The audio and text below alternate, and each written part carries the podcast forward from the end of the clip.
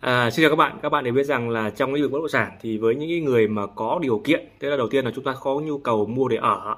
À, thường là chúng ta sẽ tích góp, tích lũy một thời gian, à, có thể là độc thân hoặc là sau khi lấy vợ lấy chồng.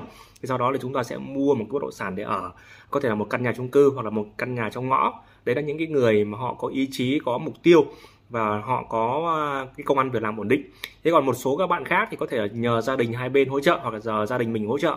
Cũng một số nhỏ bạn khác thì có thể là từ thông qua việc kinh doanh. À, nhưng mà cơ bản thì chúng ta thấy rằng là gì là với những người mà kể cả người nghèo hay là người chưa giàu hoặc là người sắp giàu hoặc là người siêu giàu thì họ đều quan tâm và đầu tư bất động sản.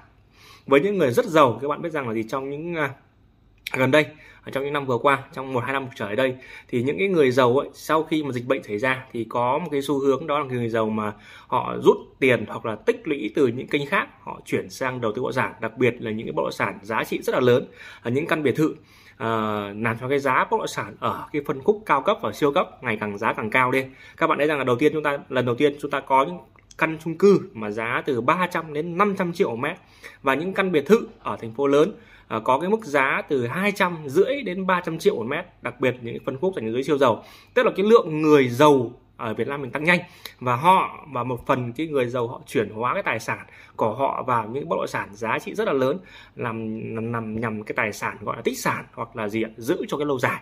À, họ giữ lâu dài và giữ tiền là tránh lạm phát hoặc tránh các kênh đầu tư khác. Thì như vậy các bạn thấy rằng là gì? Rất nhiều các bạn có cái tư duy rất nhiều các bạn trẻ là có cái tư duy rất là sai lầm. Là với chúng ta có tiền thì chúng ta mới quan tâm bất động sản. Đấy là cái tư duy rất là sai lầm các bạn nếu như vậy nhé à, chúng ta không có tiền thì chúng ta cũng quan tâm bất động sản nhưng chúng ta quan tâm kiểu khác. Nếu các bạn trẻ đặc biệt là các bạn thậm chí là các bạn sinh viên thậm chí là các bạn còn đang rất là trẻ luôn là chúng ta không có tiền để chúng ta quan tâm bất động sản. Đó, thì và do đó chúng ta quên đi chúng ta bẵng đi chúng ta chẳng quan tâm bất động sản nữa. Và các bạn quay vào tập trung là đi học đi làm và đi làm mãi làm mãi. Và khi các bạn nhận ra rằng là gì? Cái số tiền của các bạn Đấy, có đi làm lương 10 triệu, 20 triệu, 30 triệu, thậm chí là 50 triệu. Nếu chúng ta không có gia đình à, mạnh về tài chính kinh tế, nếu bố mẹ các bạn không giàu ấy, thì rõ ràng là gì? Chúng ta có lương 50 triệu thì bây giờ chúng ta cũng rất khó mua được nhà ở tại các thành phố lớn. Và tại sao chúng ta lại mua các nhà thành phố lớn? Thì đấy là cái nhu cầu của mỗi con người đúng không ạ? Thậm chí là bây giờ ở quê các bạn thấy rằng là mấy năm trước cái giá đất ở quê à, ở bất cứ vùng quê nào giá đất là chỉ vài triệu một mét thôi thậm chí là vài trăm nghìn một mét. À, nhưng trong những năm vừa qua đều tăng hết. Bây giờ gọi là bỏ phố về quê thì các bạn cũng cần phải có điều kiện kinh tế tức là một hai ba tỷ. À, xây một cái nhà bây giờ với cái giá vật liệu tăng thì các bạn gọi là xây một cái nhà to nhà nhỏ thì tùy nhu cầu mỗi người nhưng chúng ta phải tính tới tiền trăm và tiền tỷ rồi đúng không ạ? Còn chưa kể cái mảnh đất đấy và chưa kể cái điều kiện sinh hoạt sống ở đấy thì chúng ta rất là thiếu thốn. Thế là cái nhu cầu tại các nhà các thành phố lớn một căn chung cư bây giờ nó cũng phải tầm gì hai ba tỷ một căn. À, một căn biệt thự bây giờ nó cũng phải gì hàng chục tỷ một căn. Thế tất nhiên là con người chúng ta sống và phấn đấu có mục tiêu chúng ta vươn lên. À, chúng ta luôn nhìn hướng nhìn lên à, và chúng ta luôn so sánh cái hướng nhìn lên chúng ta không nhìn xuống dưới. Thì đấy tôi nghĩ rằng là đấy là những cái người mà có ý chí. Cái câu chuyện trả lại câu chuyện là gì là tại sao những cái người trẻ à, những cái người thậm chí là chưa có tiền mà chúng ta vẫn phải quan tâm bộ sản. Còn những người họ có tiền hoặc là càng nhiều tiền họ đương nhiên phải quan tâm bộ sản rồi. Đấy là điều chắc chắn. Nhưng chúng ta chưa có tiền chúng ta quan tâm bộ sản là kiểu nào? À, các bạn biết rằng là ngay từ ngay từ khi chúng ta à, bắt đầu đi làm chúng ta có công ăn việc làm và chúng ta để ý các kênh đầu tư kinh doanh khác nhau đúng không ạ? Chúng ta bảo phi thương bất phú. Nếu mà các bạn chỉ đi làm công ăn lương mà không đầu tư thì rất khó để giàu. Thì ngày nay chúng ta thấy rằng là có rất nhiều các kênh đầu tư khác nhau. Là chứng khoán ư à, bất động sản ư hoặc là gì ạ? À, coi hoặc các bạn trẻ là coi hoặc là rất nhiều các kênh đầu tư business kinh doanh khác hoặc startup vân vân. Và chúng ta có thể tham gia góp vốn bằng các khoản tiền rất là nhỏ. Và sau đó thì từ cái công ăn việc làm của chúng ta từ cái tiền lương cố định hàng tháng của ta từ cái lương sau đó thì hai vợ chồng rồi là phát triển kinh doanh hoặc là đầu tư các kênh khác và chúng ta có tích lũy tiền và chúng ta đi đầu tư và chúng ta có thể đi đầu tư vào chúng ta mua bán các bất động sản với nhau hoặc là từ chính những cái bất động sản của các anh chị ở quê của gia đình nhà quê đúng không ạ? Nếu chúng ta có tư duy về tư bất động sản chúng ta biết giữ đất chúng ta biết quy hoạch lại đất của chúng ta ở nhà quê à, chúng ta biết làm sổ đỏ chúng ta biết mua những cái mảnh đất là rẻ đúng không ạ? À, tôi chắc chắn là tôi chắc chắn rằng khi các bạn còn trẻ à, các bạn sẽ khi mà các bạn để ý bất cứ một cái lĩnh vực gì hoặc là các bạn để ý cụ thể đây là chúng ta các bạn để ý về lĩnh vực đầu tư bất sản và chúng ta phải đi gặp chúng ta phải đi nhiều nơi đi đến nhà những bạn bè ở những vùng quê khác nhau và chúng ta đều thấy có thể nếu mà chúng ta có một con mắt có một kỹ năng có một kiến thức về đầu tư bất sản thì chúng ta có thể nhìn thấy những cơ hội. À, các bạn đi đến một cái vùng đất du lịch mới các bạn đi gặp những cái người mới ở tất cả các cái địa phương ở khác nhau thì chúng ta đều có cái cơ hội chúng ta gì? Có thể mua bán với bất động sản giá rẻ đúng không ạ? À, các bạn thấy rằng là gì nếu chúng ta chịu khó tìm kiếm thì vẫn đâu đó vẫn còn những cái cơ hội bất động sản giá thì trừ vài à, triệu một mét ở những vùng quê ở những cái vùng lâu vùng sâu vùng xa mà người dân ở họ ở địa phương họ chưa biết đúng không ạ? Thì chúng ta có thể mua giá rẻ. À, chúng ta có thể tích góp mua giá rẻ chỉ vài trăm triệu một ô một mảnh một đất à, và chúng ta mua và chúng ta chờ sau này tăng giá chúng ta bán.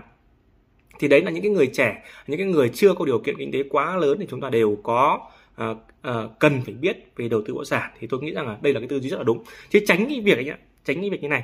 Đó là tránh cái việc sai lầm là chúng ta còn trẻ nhưng mà chúng ta không quan tâm đầu tư các kênh nói chung và đầu tư bất động sản nói riêng. Và chúng ta chỉ tập trung vào làm tập trung vào làm tập trung vào làm tập trung vào thăng tiến cho công việc tập trung vào công việc chúng ta mà chúng ta lại không quan tâm bất động sản thì đấy là cái điều rất là sai lầm và rất nhiều người, bản thân tôi cũng là cái sai lầm trong cái quá trình đó. Tức là nếu mà khoảng cách đây khoảng tầm 10 năm về trước mà tôi bắt đầu đi làm, mà tôi có cái tư duy đầu tư bất động sản sớm, khi mà tôi được cơ hội đi du lịch khắp các mọi nơi mà chứng kiến cái vùng đất rất là rẻ và tôi hỏi, cần hỏi thăm về giá rất là rẻ thôi.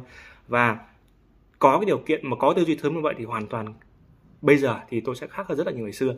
Thì đây là cái cuốn sách. Đây, các bạn thấy không ạ?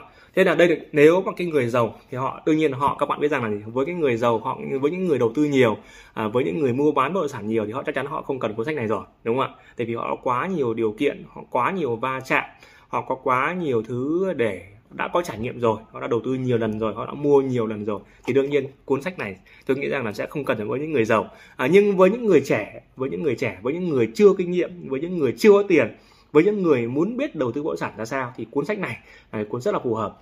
À, cuốn sách này hơn 300 trang và gần như là toàn bộ những cái trải nghiệm cái kinh nghiệm của tôi trong suốt quá trình đầu tư bất động sản trong suốt à, nhiều năm vừa qua à, thông qua quá trình mà tự đầu tư thông qua quá trình học tập và thông qua quá trình đi nhiều nơi trải nghiệm nhiều vùng miền khác nhau thì tôi đúc rút ra kinh nghiệm cái câu chuyện là gì? Là chúng ta phải quan tâm đầu tư bất động sản càng sớm càng tốt.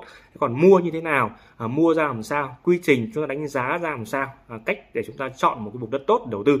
Thì cái cơ hội nó không còn nhiều nữa nhưng tôi tin tôi hy vọng rằng là cái cuốn sách này sẽ đến tay các bạn càng sớm càng tốt và các bạn mua.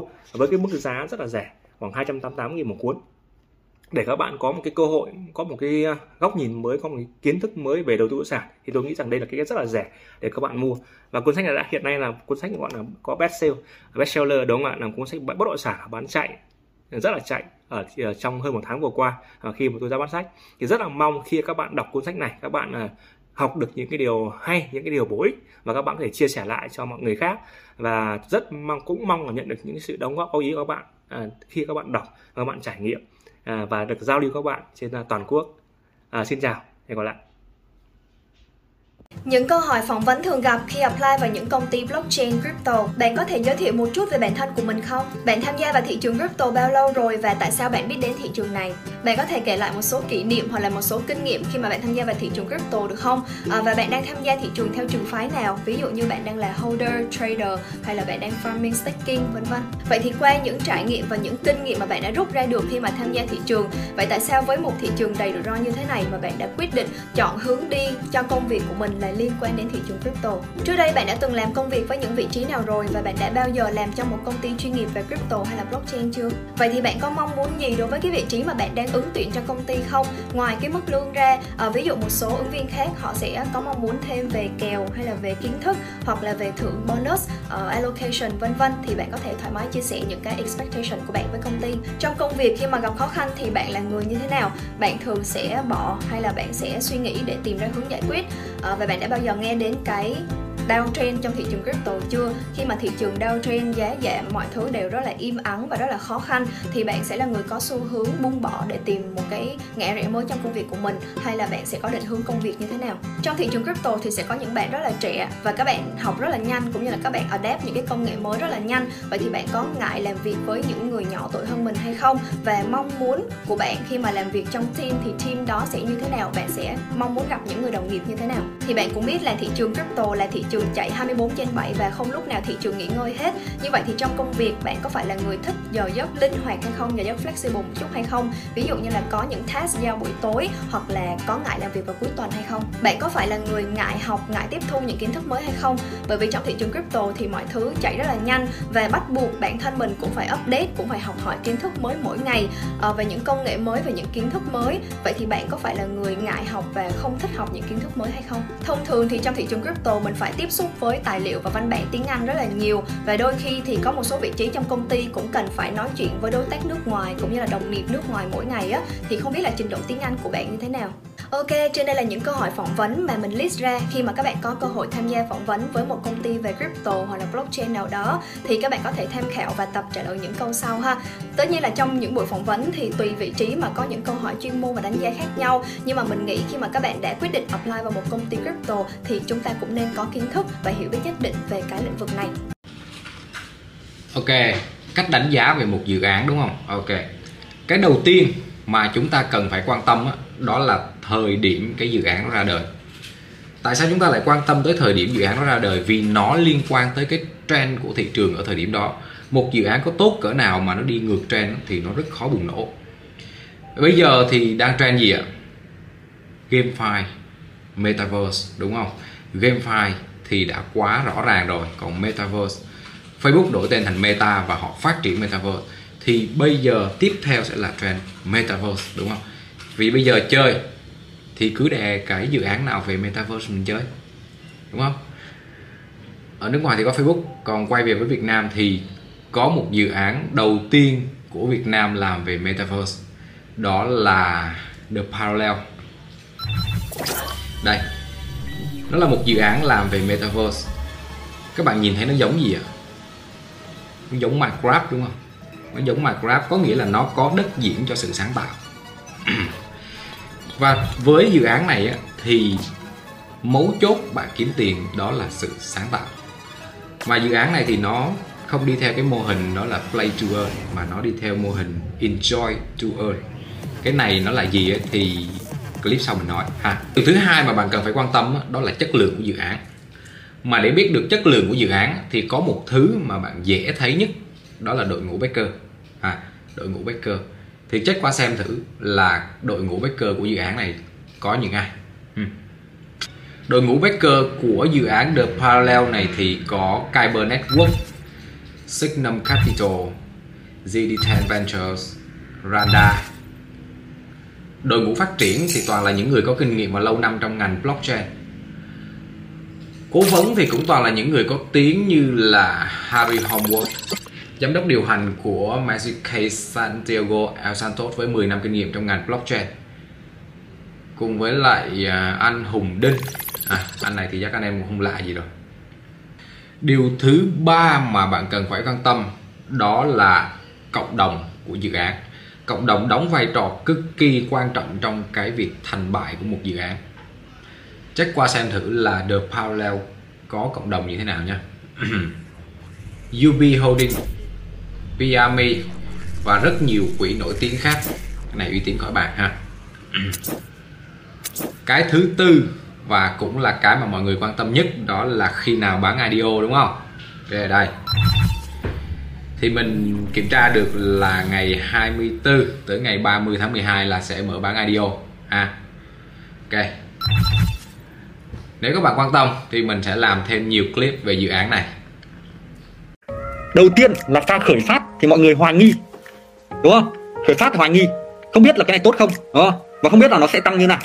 Sau đó thì người ta hy vọng khi mà giá lên thật lên thật bắt đầu hy vọng. Mọi người hãy nhìn vào từ khi giá của bitcoin ở ba nghìn nhé. ba nghìn bắt đầu là hoài nghi. Sau đó lên 10 nghìn bắt đầu hy vọng. Hy vọng chứ chưa chưa phải là gì. Tất cả mọi người đổ xô vào mua nhé. 10 nghìn hy vọng đấy chứ không dám mua.